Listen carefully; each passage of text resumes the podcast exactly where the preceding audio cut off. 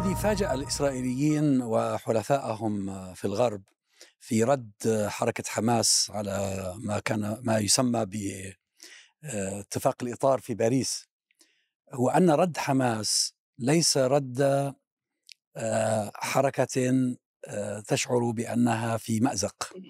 يعني على العكس تماما آه، جاء الرد هم الإسرائيليون كان لديهم مقترح حماس قالت لا مقترحكم غير مقبول هذا ما نقترحه. فجاء اقتراح حماس في غاية القوة ويدل على أنهم ليسوا في في في حالة من من الخوف أو الحرج أو الورطة.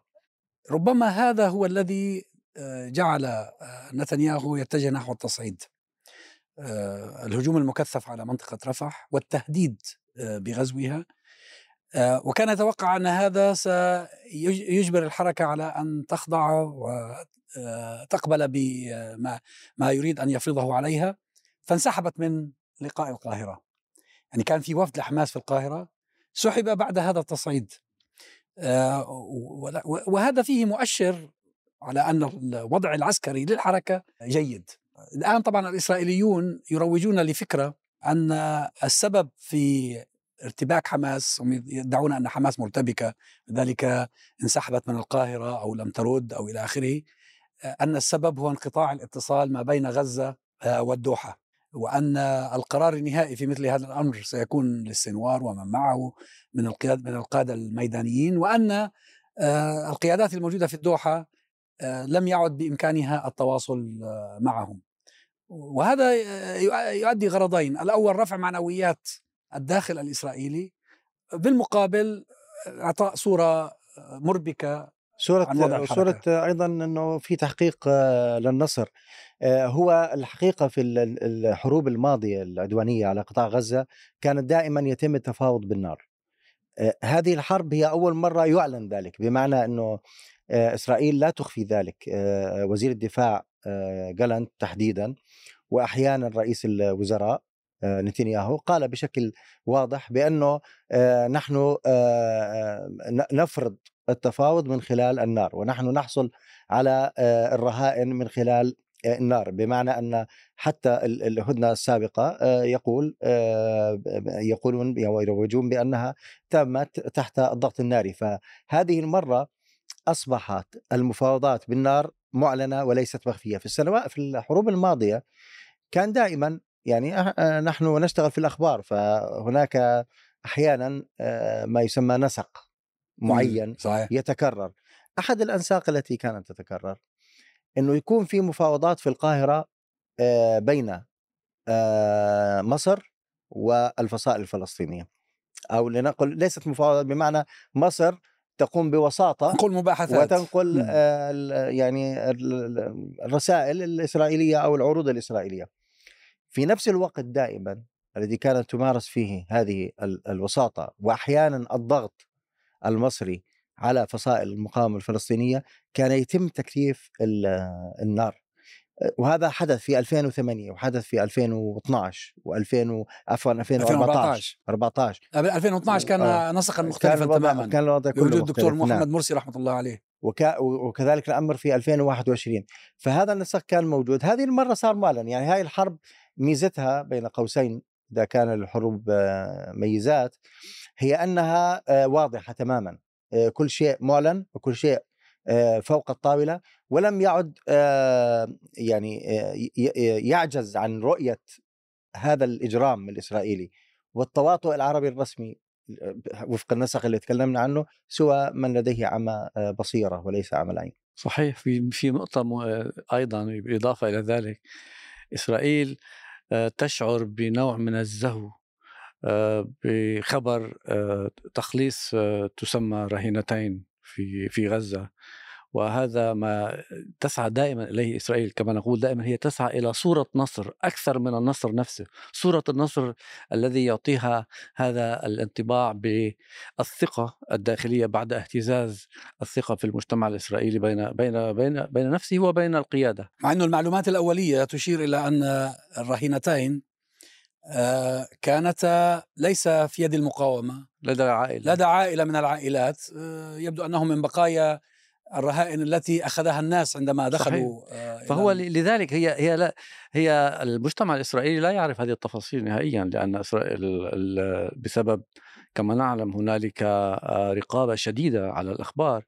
فيسوق أن هذا انتصار وهذا عزز ربما موقف نتنياهو المتصلب في يعني عدم جديته في التفاوض في في في في القاهرة وكلنا نعرف الآن أنه أرسل هذا الوفد فقط لمجاملة بايدن وليس للتوصل إلى تسوية للأسف الشديد. أظن أعلن أنه بضغط من بايدن.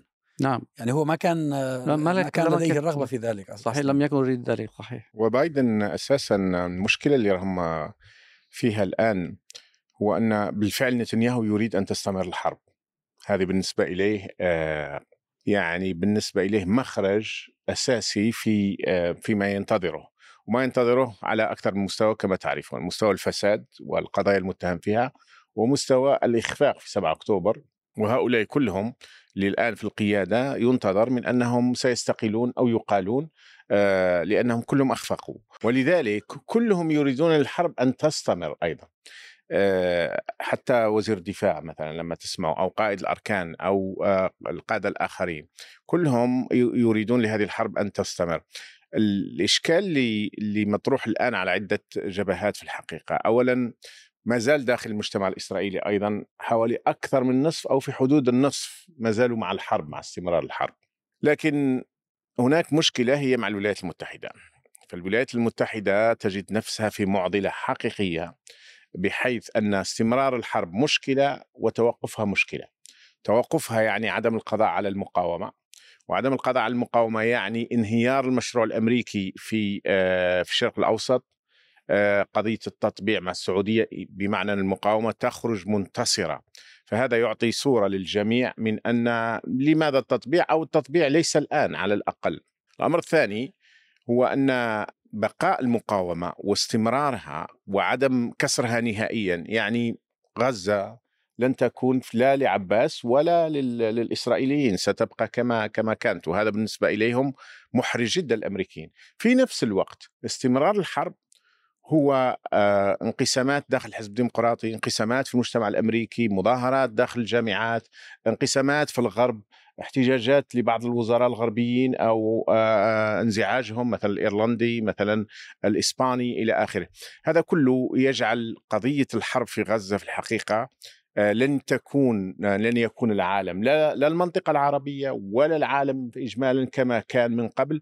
وهذا مهم في قضية غزة لأن التضحيات رهيبة وكبيرة جدا. ولذلك أنا أتوقع أن التداعيات فيما بعد والتأثيرات ستكون استثنائية. أنا أعتقد أنه الإسرائيليين يراهنوا على الزمن لعله يجيب لهم حاجة يستفيدوا منها يعني يجيب لهم نصر أو صورة نصر مثل ما قال الأستاذ جعفر. آه، إسرائيل لا تتحمل هزيمة واضحة ومكشوفة ولذلك المؤسسة الإسرائيلية ما يناسبهاش إنهاء الحرب على الوضعية الحالية. أيضا القيادة السياسية والقيادة العسكرية الإسرائيلية ما يناسبهاش لأنه مباشرة إنهاء الحرب يعني فتح كل الملفات نتاع يعني هزيمة الإسرائيليين يوم 7 أكتوبر.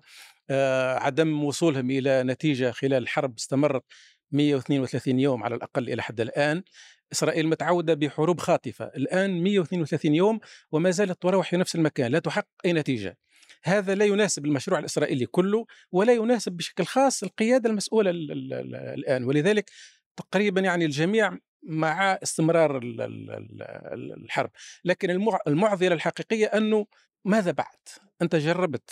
يعني ربما كنت تتوقع خلال 100 يوم 120 يوم 130 يوم لكن للأسف ما معناه ما زالوا مش قادرين يحققوا أي نتيجة باش يوصلوا إلى إلى إنهاء الحرب. فصارت العملية شبه حرب عبثية ما ما تحقق أي نتيجة. نتيجتها المباشرة هي مزيد تردي صورة إسرائيل في في العالم. تحولها من آه، دولة قامت على مظلمة شعب يهودي مظلوم تعرض إلى محرقة الآن الذي تعرض إلى المحرقة يمارس في محارق. بالتالي استمرار الحرب بالنسبة لإسرائيل مشكلة إنهائها مشكلة في التقدم. بس هو الحقيقة الإسرائيليون إذ يستمرون في نفس النهج هم يعتمدون على أن العالم يغض بصره عما عما يجري. يعني صح إنه في نوع من الامتعاض لدى إدارة بايدن تجاه نتنياهو وطريقة إدارته للأمور.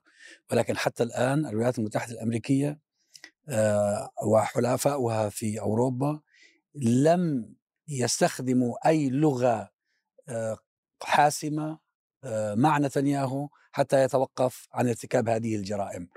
ولو أرادوا لفعلوا ولو فعلوا لتوقف. هم هم في ورطة دكتور أنا بعتقد الولايات المتحدة تحديدا.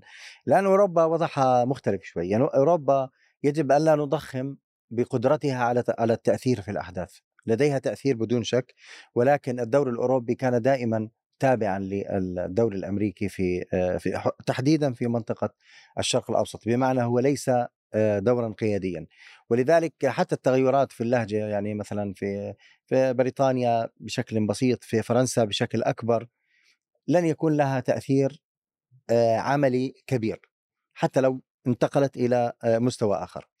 العامل المؤثر الحقيقي هو الولايات المتحدة. الولايات المتحدة في ورطة. الورطة هي بأنها اولا لا تريد أن تخرج إسرائيل مهزومة أو غير منتصرة. مثل ما ذكر الأستاذ العربي.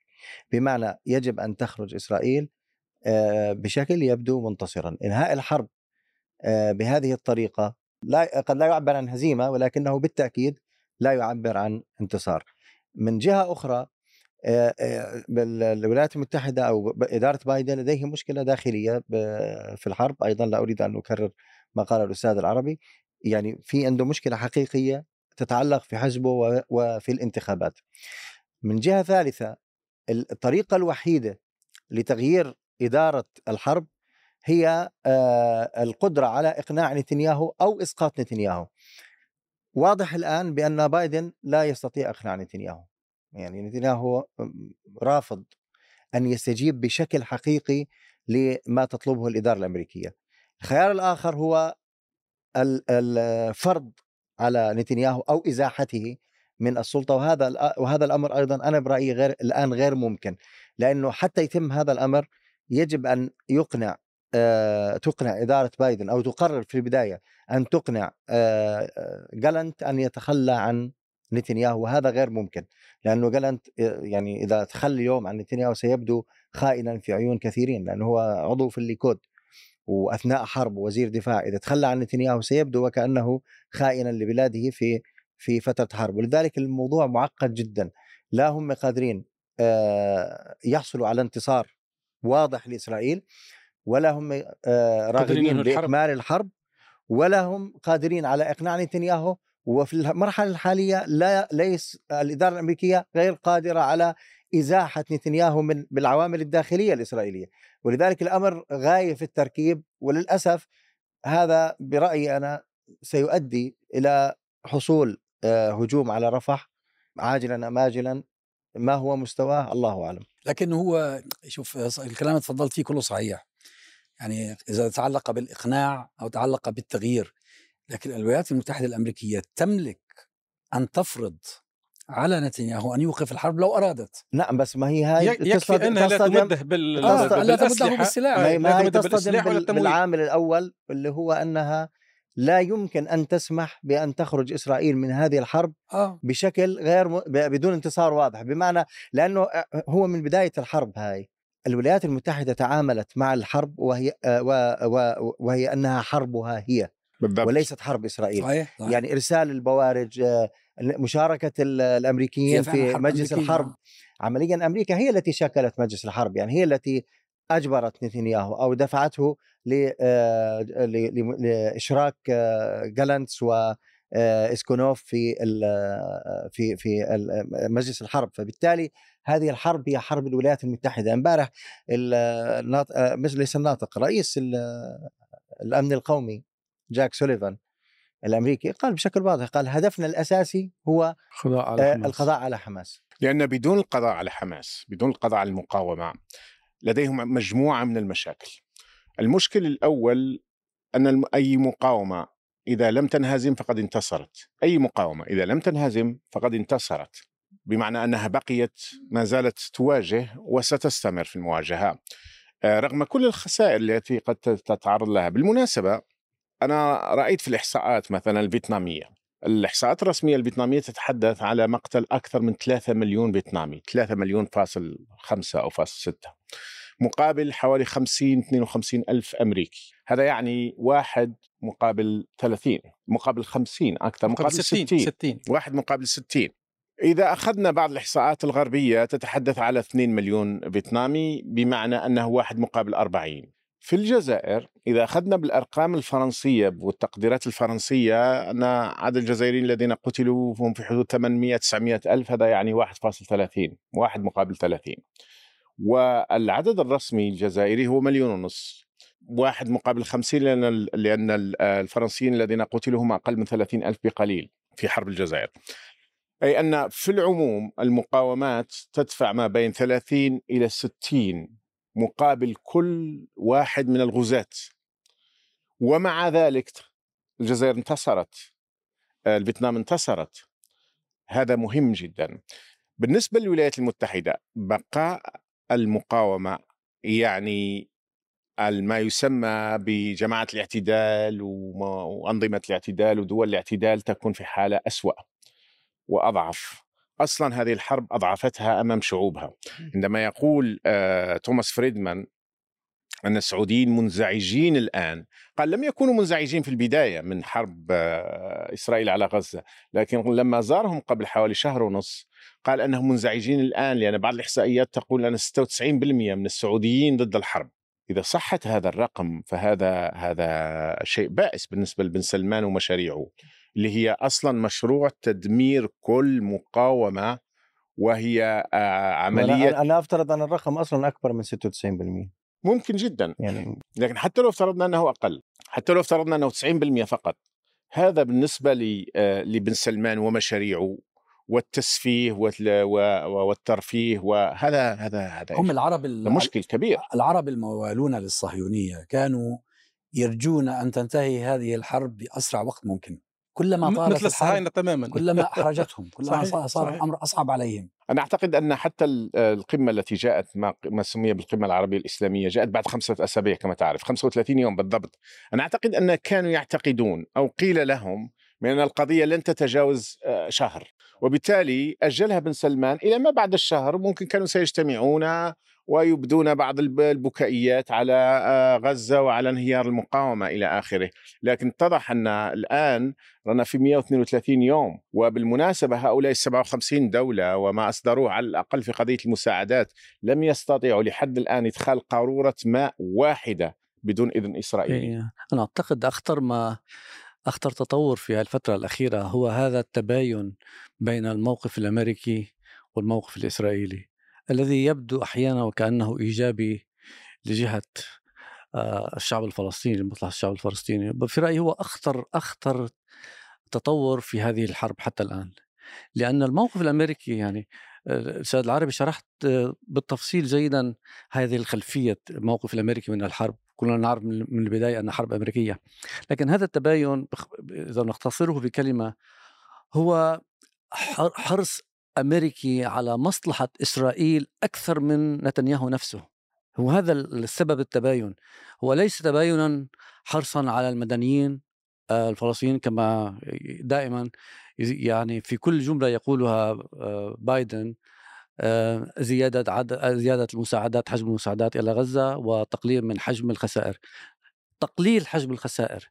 يعني هو بايدن حريص على المشروع الصهيوني أكثر من نتنياهو لأنه يعرف أن زيادة القمع والقتل سيؤثر سلبا آه، أكثر على إسرائيل. لكن إسرائيل بايدن هو حريص أكثر للأسف الشديد يبدو هذا التباين وكأنه إيجابي للأسف هو أخطر ما يكون. وكما قلت أستاذ عزام هو ال هو ال هو القرار بيد أمريكا وليس بيد نتنياهو. إذا شاءت أمريكا ان أن تأخذ موقفا لا يسقط نتنياهو مباشرة يعني عن طريق جالانت أو ليس جالانت عن طريق بني جانس وأيزنكوت. هم هي يعني نتذكر في اليوم التالي للحرب جاء وزير الخارجية إلى إسرائيل و طلب أن أن توسيع الحكومة توسيع الحكومة دخل إيزنكوت وبيني جانس فلو شاءت أمريكا كما أستاذ لو شاءت صحيح ستستطيع أن تغير التركيبة وتوقف الحرب الآن. لكن هذه الخطورة أن الموقف هو القرار قرار أمريكي وليس إسرائيلي للأسف. هو زي ما حكى فراس هم آه، الوضع بالنسبة لهم آه، كل خياراته صعبة. آه، هم يتمنون لو أن هناك طريقة للقضاء على المقاومة وفي نفس الوقت تقليل الإصابات بين المدنيين لأنه هو هذا القتل الهائل والتدمير الضخم هو الذي يحرجهم أمام العالم خاصة أنه الصور تأتي تباعا ولحظه بلحظة.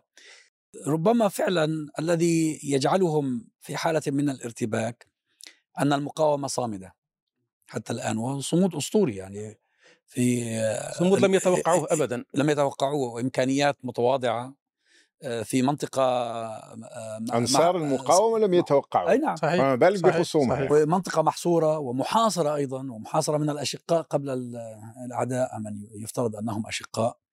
آه، فهذا بيزيد من من حالة الارتباك.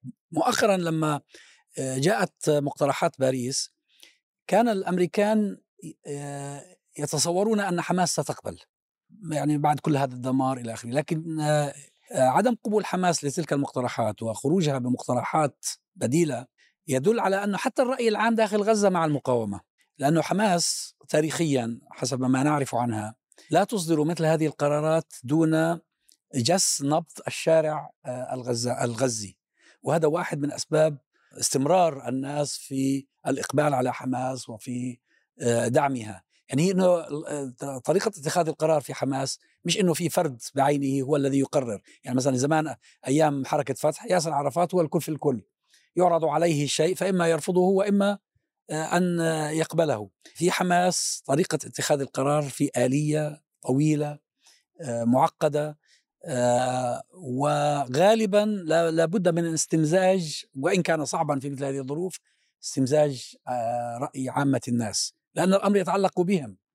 يعني لو كان الناس في غزة آه، يقبلون بمثل هذه المقترحات مقابل أن يتوقف إطلاق النار عليهم آه، لربما حصل ضغط على المقاومة حتى تقبل بذلك. هو هو خطورة الموافقة على اتفاق باريس هو أنه يؤجل الموت المعلن شوية. يعني نعم. هاي يعني هو كمان الله يعين الفلسطينيين الشعب الفلسطيني في قطاع غزة. يعني هو كمان في ورطة. يعني بمعنى استمرار هذه الحرب المجنونة آه، هو آه، ممارسة للقتل اليومي والدمار والتجويع للأسف المجاعة اليوم في مجاعة أمام مليار ونص مليون مسلم مجاعة بمعنى الكلمة.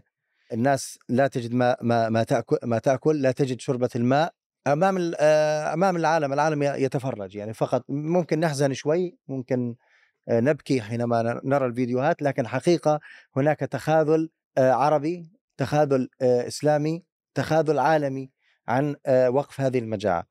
فالمجاعة موجودة القتل موجود التهجير موجود الحياة غير الطبيعية موجودة.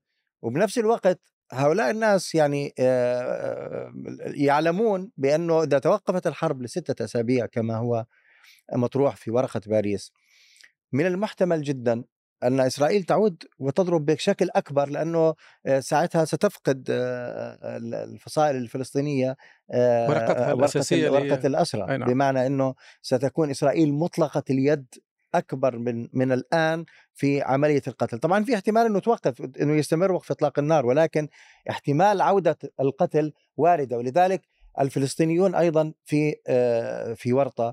واعتقد بأنه اتخاذ القرار بهذا الشكل هو كان لمنع عودة آه، الحرب بعد انتهاء ال ال ال يعني الهدنة. في موضوع بايدن ولذلك عملوها على مراحل ثلاث مراحل. نعم. كل مرحلة من 45 يوم. نعم والهدف إنه توصل لنهائي. في موضوع الخلاف الأمريكي أنا يعني كما ذكر الأستاذ جعفر هذا خلاف الأحبة هذا خلاف الحلفاء الحلفاء. المعسكر الواحد. خل... خل... مش خلافات يعني هاي إنه أنا بكون حريص على مصلحة ابني أكثر من من ابني نفسه أحيانا. وهذا ما يحدث ان الولايات المتحدة حريصة على مصلحة إسرائيل أكثر من زعماء إسرائيل لأنه زعماء إسرائيل لديهم مصالحهم الخاصة ولديهم تحديداتهم ولذلك أقول باختصار شديد أنه يجب أن لا آه، نتأمل من الخلافات الأمريكية الإسرائيلية على الأقل في الوقت الحالي. لا يعول عليها. نعم لا يعول عليها. التعويل فقط هو على صمود الشعب الفلسطيني على استمراره في أرضه لأننا أمام حرب عالمية أمريكية وأمام تخاذل عربي رسمي واضح وأمام أيضا بكل أسف أقولها تراجع الاهتمام الشعبي العربي في قطاع غزة، العالم في الناس في العالم العربي اعتادوا المشهد ألفوا الدم اللي بيصير ولذلك لا نجد لهم حراكا كبيرا ولذا هذا الاعتماد فقط على أهل غزة.